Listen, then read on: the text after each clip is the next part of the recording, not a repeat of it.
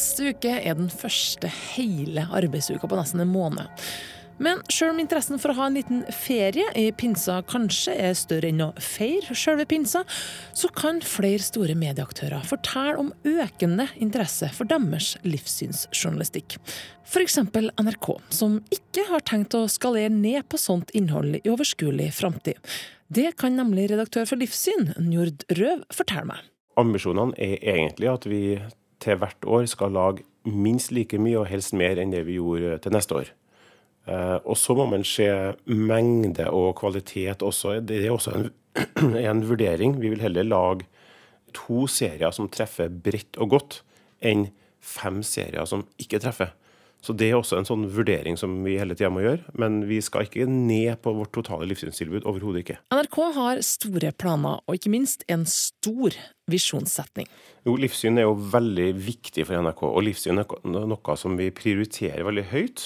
Og så eh, skiller vi mellom det som er forkynnende, og det vil jo da være andakter og gudstjenester, hvor på en måte kirka og teologene står for innholdet, og det som er vårt øvrige livssynsinnhold. Eh, og på det øvrige livssynsinnholdet så er det på en måte vanlige journalistiske kriterier som gjelder. Eh, og så har vi hatt en prosess for å prøve å definere hva er livssyn, og hva vil vi med dekninga vår. Og da har vi landa på en sånn fin sånn setning som heter at vi skal angå og berøre med historier om tro og tvil og eksistensielle spørsmål i tiden. Det høres kanskje litt sånn svulstig og stort og pompøst ut, men så har vi også jobba med å brekke det ned til hvordan vi skal på en måte få det her til å bli noe konkret som vi kan bruke eh, når vi går ut og lager reportasjer, når vi leter etter kilder, og når vi tenker på hvilke type saker vi skal lage. da. Eh, og i dag så handler det jo veldig mye om å komme litt nært folk.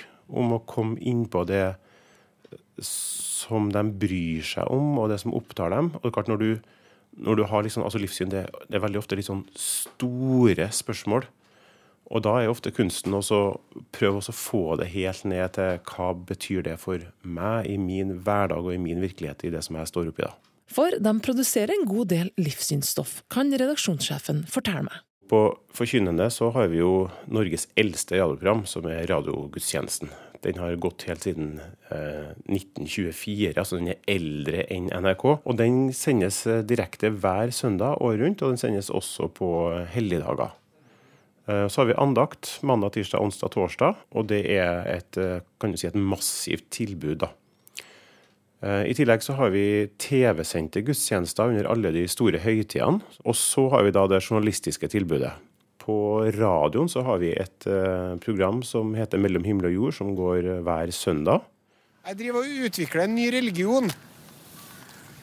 For jeg mener at de religionene vi har i dag, har store utfordringer. da. På TV-en så lager vi serier som da er ment for det brede publikummet på NRK1. Eh, I år så hadde vi På tro og are. Eh, og så hadde vi en sesong med overleverne som eh, Og den handler om mennesker som rett og slett har vært i situasjoner hvor de egentlig skulle ha dødd, men som har klart å komme seg gjennom. Hva har det gjort med dem? For, for Hva tenker du at det er, da, å være jøde? Er det blod? Er det eh, kultur? For meg så er det jo absolutt kultur. Eh, I aller høyeste grad. Radioprogrammet Mellom himmel og jord er et livssynsprogram som går på søndager før radiogudstjenesten. Og for ikke lenge siden så utvida de sendetida fra én til to timer på en temmelig god sendetid, nemlig søndagsmorgen. Det framstår som et litt dristig valg for Norges største radiokanal. Hvorfor gikk de for enda mer livssynsinnhold, lurer jeg på. Livssynsinnhold er veldig godt innhold, eh, og det er et område som vi har veldig stor trua på. Også med å utvide sendetida så får vi også gjort programmet litt mer tilgjengelig. Vi får tid til å spille litt mer musikk. Eh, og vi får tid til å gå gjennom flere måte, områder. Da. Eh, livssyn i Norge i dag handler jo om så veldig mye mer enn den tradisjonelle kristendommen, som man jo veldig ofte tenker på aller først. Og i et begynnende multireligiøst samfunn, så er det på en måte mange som fortjener å få litt oppmerksomhet innimellom. Mm. Og Hvordan har responsen vært på det? Altså, Har dere fått økte lyttertall eller flere lyttere? eller hvordan... Nei, det, Vi er veldig fornøyd med at uh, Mellom himmel og jord står seg veldig godt i oppslutning. Uh, og du kan si akkurat nå så er jo, uh, har NRK en liten utfordring med at hele P1 synker lite grann. Og da er det veldig gledelig for oss at Mellom himmel og jord synker mindre enn resten av kanalen. Eh, så det tror vi er et tegn på at vi har gjort en veldig bra jobb hittil med programmet. Og uh, I og med at dere da øker et sånt program som Mellom himmel og jord, betyr det at dere har et inntrykk av at interessen generelt for livssynsjournalistikk er økende, eller at folk er mer åpne? Vi tror at det er i hvert fall et område som skaper et voldsomt engasjement. Og det er noe som veldig mange bryr seg om, og som veldig mange leter etter svar. Og det her engasjementet får de også oppleve i praksis. Å jobbe med livssynsjournalistikk er ikke helt som annen journalistikk, når veldig mange har en veldig bestemt mening om akkurat det temaet. Enten de tror eller ikke. Noen sinte er det selvfølgelig, men eh, stort sett så er det sånn at uansett hva vi gjør, alle endringer vi gjør, eh, medfører at folk engasjerer seg og har meninger. da. Eh, og det er jo typisk at når vi gjør noe som er litt uvanlig, så får vi veldig mange som mener at 'å, så bra, det her var jo kjempetøft'. Og så får vi også noen som mener at 'hvorfor i alle dager gjorde dere det her, det var rart', dere pleier jo ikke å gjøre det'. Eh, så det er et stort engasjement uansett hva vi gjør. Eh, og det er jo veldig artig, egentlig. Mm. Altså, Får dere mailer eller på Facebook dere merker det her engasjementet eller tilbakemeldinger? Eh, det er heldigvis ikke så veldig mange som ringer, eh, men det er noen som ringer. Og så får vi eh, en god del brev, faktisk ukentlig, håndskrevne brev. Og så får vi veldig mye mailer, da. Og i perioder så er det ganske massive tilbakemeldinger. Vi hadde jo et forsøk her i forfjor hvor vi, vi hadde en en testuke hvor vi kjørte en andaktsuke uten å avslutte med Fader vår og velsignelsen. Eh, og Det førte til en nasjonal oppstandelse, og vi var nødt til å gå tilbake og si at ok, det her det kan vi faktisk ikke ta bort. Det her er noe som folk forventer i så stor grad at det må de bare få. Sjøl om NRK kan merke trøkket fra engasjerte lyttere og seere, så kan håndskrevne brev helt måle seg mot det engasjementet Radio Islam Ahmadiyya møtte da de startet opp sin radiokanal i februar 1985. Og så var det en del avisoppslag også, eh, særlig i Aftenposten og VG. Ja, så vi kan si at negativ motstand var ganske stor da, i eh, starten. At det så var det eh, stor motstand blant andre muslimer. Og Daglig leder Osama Raiput forteller om reaksjonene som oppsto da bl.a. hans far var med å starte opp den lille nærradioen Radio Islam, etter at NRK-monopolet ble oppløst. Men Nordens første muslimske radiokanal måtte til slutt gi opp og endre navn. Og man fikk da brev fra advokater hvor man ønsket å forby at vi skulle hete da Radio Islam. Eh, og man fikk også trusler per eh, telefon. Eh, trusler om ødeleggelse da, hvis man ikke endret radionavnet. Men det var da pga. Eh, motstand fra andre muslimer som ikke ser på Ahmadiyya som ordentlige muslimer, og de da reagerte da på at man hadde navnet Islam. Men allerede i sommeren 1985 eh, så skifta man navn til Radio Islam Ahmadiyya, eh, det som eh, kanalen fortsatt heter i dag. For radioen er fortsatt i drift, og alt mellom fem til ti frivillige driver kanalen i dag, som er finansiert av menigheten og diverse driftsmidler fra f.eks. Medietilsynet. Kanalen er å finne på FM, der de deler frekvens med en annen muslimsk menighet og flere kristne lokalradioer. Hvordan ser framtida ut for en liten nisjeradio i dag? Blir det DAB neste? Per i dag så er det jo slik at alle de stedene hvor man kan være på i dag, hvor man kan få sendt i Oslo og Akershus, er opptatte. Slik at eh, hvis vi da skulle gå, gå, over til DAB nå, så ville vi ha sendt på steder, eh, litt andre steder i Norge, hvor vi ikke har eh, tradisjon for å sende. og fordi eh, det primære ønsket er da å sende foreløpig da i Oslo og Akershus. Så diskusjonen egentlig nå da internt er om, om vi skal bli en eh, ren internettradio eh, eller ikke. Ja, internettradio når kanskje potensielle lyttere litt mer målretta enn å få tildelt plass på DAB-frekvensen i f.eks. Møre og Romsdal. For Radio Islam Ahmadiyya har en ganske klar oppfattelse om hvem lytterne sine er. Siden de fleste av sendingene er på urdu og norsk, eh, så er de fleste er da både på pakistanere og andre muslimer. Vi har også hatt noe på det programutveksling med andre muslimske kanaler. Eh, slik at det er en del taxisjåfører har vi skjønt, eh, da på det pakistanske muslimske taxisjåfører, eh, som, er, som på en er en, en stor tilhengerskare. Eh, og så da innimellom andre kristne også, for det er jo snakk om at vi er på en eh, frekvens hvor det stort sett er eh, kristne mm, lyttere. Eh, så vi har også fått tilbakemeldinger på det, både ris og ros, fra, fra andre kristne lyttere da, i form av telefon og e-post, hvor, hvor de har kommentert noen av våre programmer. Ja, Så vi kan si at vi har en relativ, eller beskjeden, bred lytteskare, da. Stort sett vil jeg tro at, det er, at det er de med en religiøs bakgrunn. Faktum er faktisk at det er det emnet hvor det er mest enighet mellom Ahmadiyya og de andre retningene innenfor islam. Vi er jo uenige om hva som skjedde med Jesus, om han døde eller om han gikk opp til himmelen. Vi er uenige om forståelsen av begrepet jihad. Vi er uenige om hvorvidt Hazrat Mirza Ghulam Ahmad, fred være med ham, var den utlovede Messias og Mahdi eller ikke. Så der er det jo en del teologiske forskjeller. Men når det gjelder akkurat dette med khatm nabuat, så er det faktisk over 90 eh, likhet mellom oss og de Kanalen sender både på norsk og urdu, men grunnet manglende ressurser er det aller meste som sendes i dag enten gjort i opptak eller gammelt materiale som sendes på nytt. Men hovedsakelig er det en eller annen form for religionsstoff. Hvorfor har de lagt seg på den linja, lurer jeg på. Det er ikke noe sånn, eh, en sånn bevisst tanke. Det er mer det at vi har eh, eh, For å skape variert innhold, så har det vært lettere å eh, ta utgangspunkt i religiøst eh, stoff. Tidligere så har, vært, så har vi hatt eh, dagsaktuelle temaer hvor, hvor vi har på en tatt opp samfunnsrelaterte tematikk og intervjuer og sånt. Men foreløpig så det det, går det på ressurstilgangen, da. At eh, det å lage helt nye programmer krever litt mer, eh, og det har på en måte variert litt opp gjennom eh, radioens historie. Men ambisjonen er også også ta litt mer av det, eh, slik at vi kan på en måte favne litt bredere, da. Ja, for hvis dere har som mål å treffe enda bredere enn dere gjør i dag, blir det vanskelig å lage god journalistikk hvis målgruppen er for bred? Det må ikke være for bred.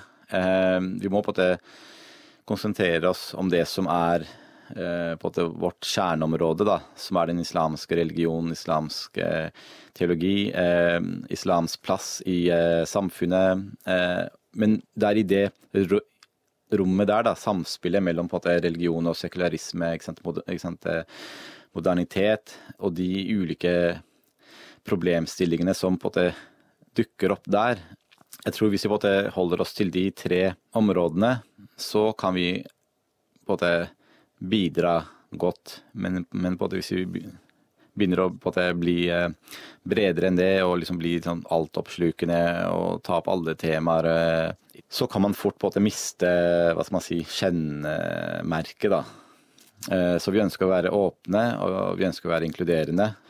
Det er kanskje noe av grunnen til at vi har valgt å holde oss måte innenfor livssyns- og religions- og da litt samfunnsfeltet, uten å gå inn på sånn spesifikke eh, brennbare tema som innvandring, men heller være en sånn positiv, opplysende kanal, hvor vi da kan ta opp eh, på det brennbare temaet som vi har gjort, eh, men på en inkluderende måte.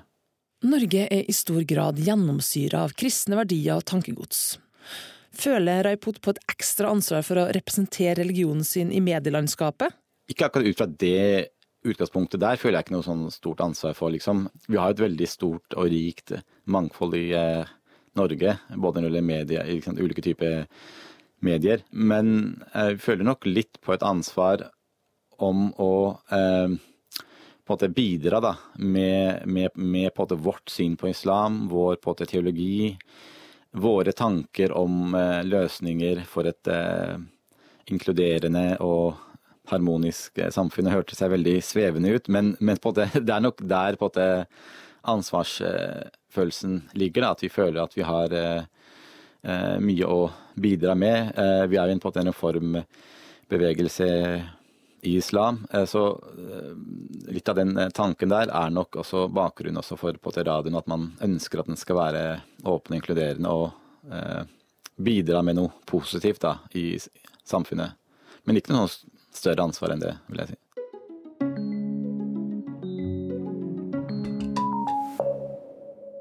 I disse dager jobbes det fortsatt med å få en avtale på plass mellom TV 2 og Kulturdepartementet om TV 2s rolle som kommersiell allmennkringkaster.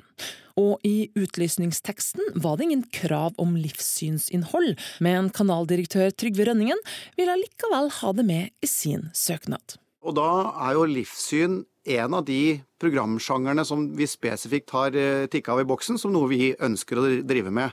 Og da kommer oppfølgingsspørsmålet. Hvorfor vil dere det? Nei, men TV 2 har eh, et ønske om å være en viktig samfunnsaktør. Være en del av eh, norske livet, norske historiene.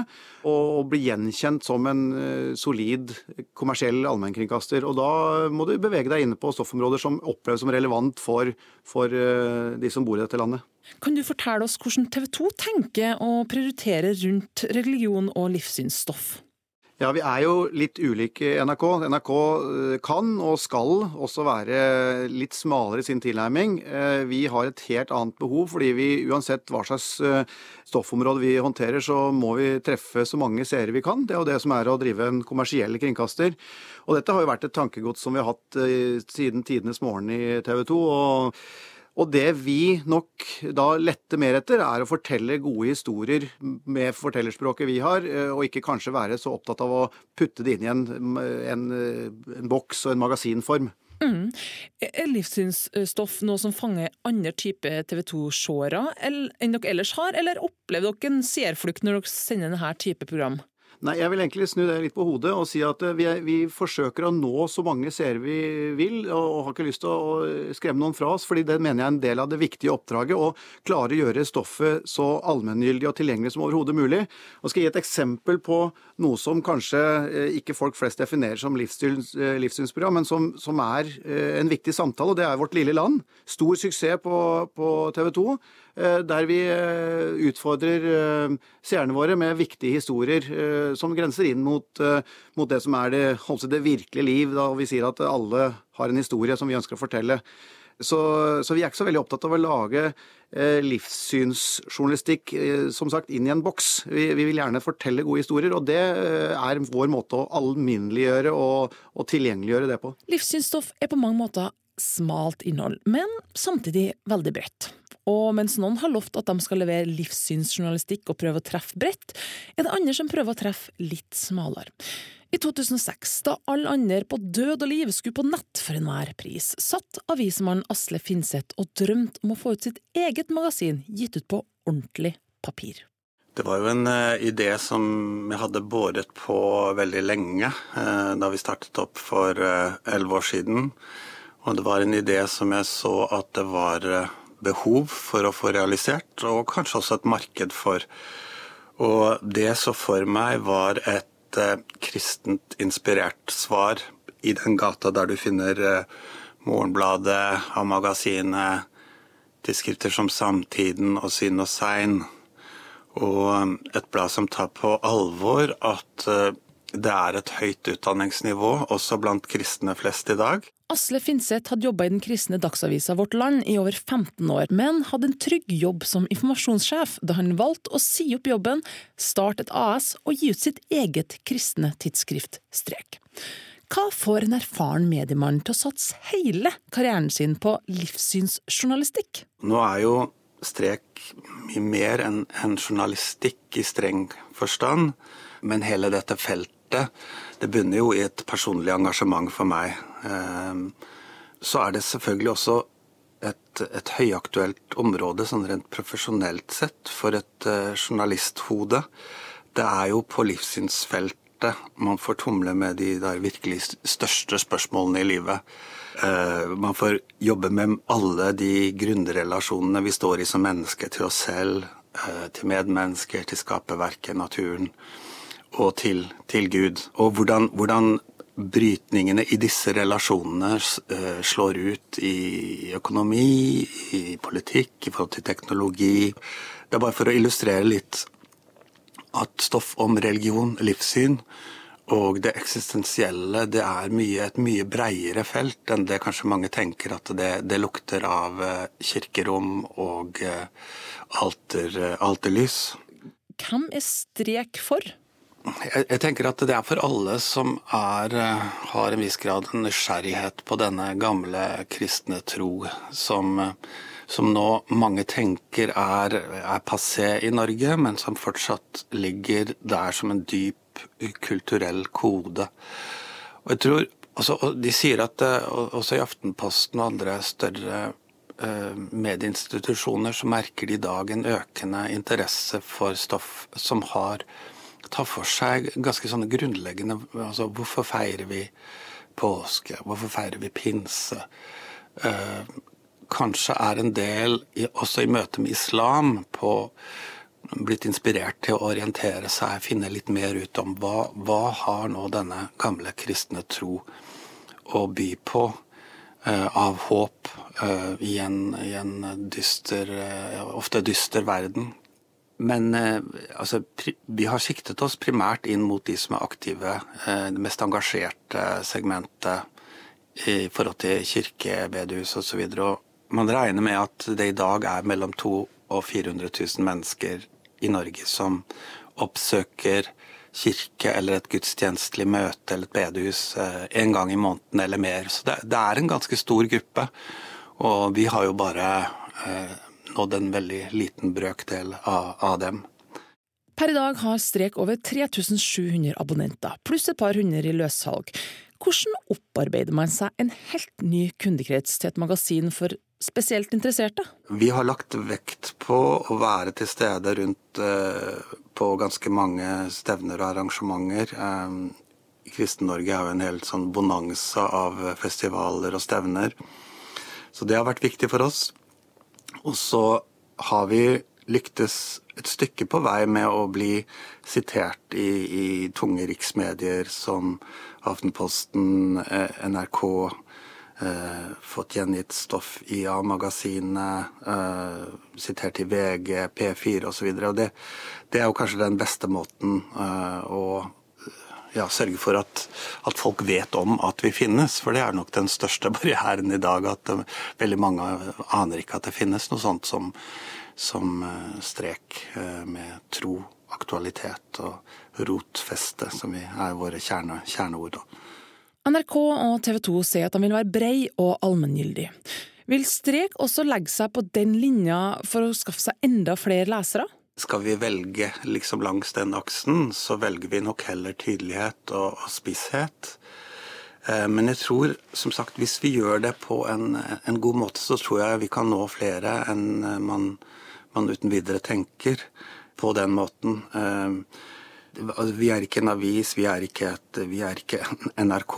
Vi kan ta oss råd til å gå dypt og ganske spisst inn, eh, inn, i en vinkling som eh, våre kjernelesere er, er veldig opptatt av. Da. Mm. Men vil du si at interessen for et tydelig livssynstidsskrift er den økende eller minkende?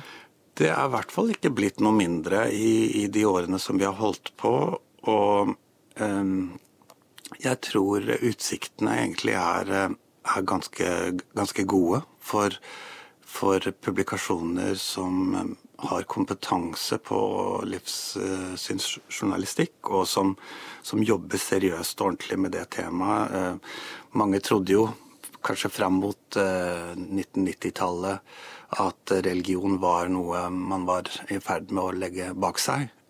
Så har vi hatt en gedigen religionsgjenkomst på 2000-tallet så langt, på godt og vondt. Så jeg tror at eh, det er gode utsikter, og de redaksjonene som på en måte definerer ut det religiøse, tror jeg får en, en blindsone. Og det er jo greit for, for magasiner som Strek. I Livssynsredaksjonslokalet sitter redaktør Njord Røv og ønsker all konkurranse hjertelig velkommen. Og det ville jo vært helt fantastisk om flere begynte å produsere livssyn. Uh, jeg tror at desto flere aktører som lager livssynsinnhold, eh, desto bedre blir tilbudet til publikum. Eh, så ingenting ville vært bedre enn det. Og som en lisensfinansiert kringkaster, så er dere i en unik posisjon i og med at dere skal, og dere kan produsere eh, livssynsstoff. Er det en velsignelse forbannelse, for å bruke litt sånn livssynsbegrep? Jeg ser på det som en velsignelse. Akkurat her passer det bibelske uttrykket veldig godt. Jeg føler jo at vi er kjempeprivilegert som får lov til å jobbe med et eh, så spennende stoffområde på vegne av NRKs publikum. Og så får vi en anledning til å sette noe som er veldig, veldig viktig for veldig mange på både TV og radio det er jo slik at når vi sender f.eks. en gudstjeneste på radio, så, sitter det altså veldig mange rundt omkring som har da vaska huset, de har pynta seg, satt seg godt til rette i finstolen og laga kaffe og gleder seg. Og dette er ukas høydepunkt. Uh, så vi må huske at det er veldig mange uh, i Norge som har det forholdet til gudstjenesten. Og da skal vi gi dem en så bra gudstjeneste som mulig.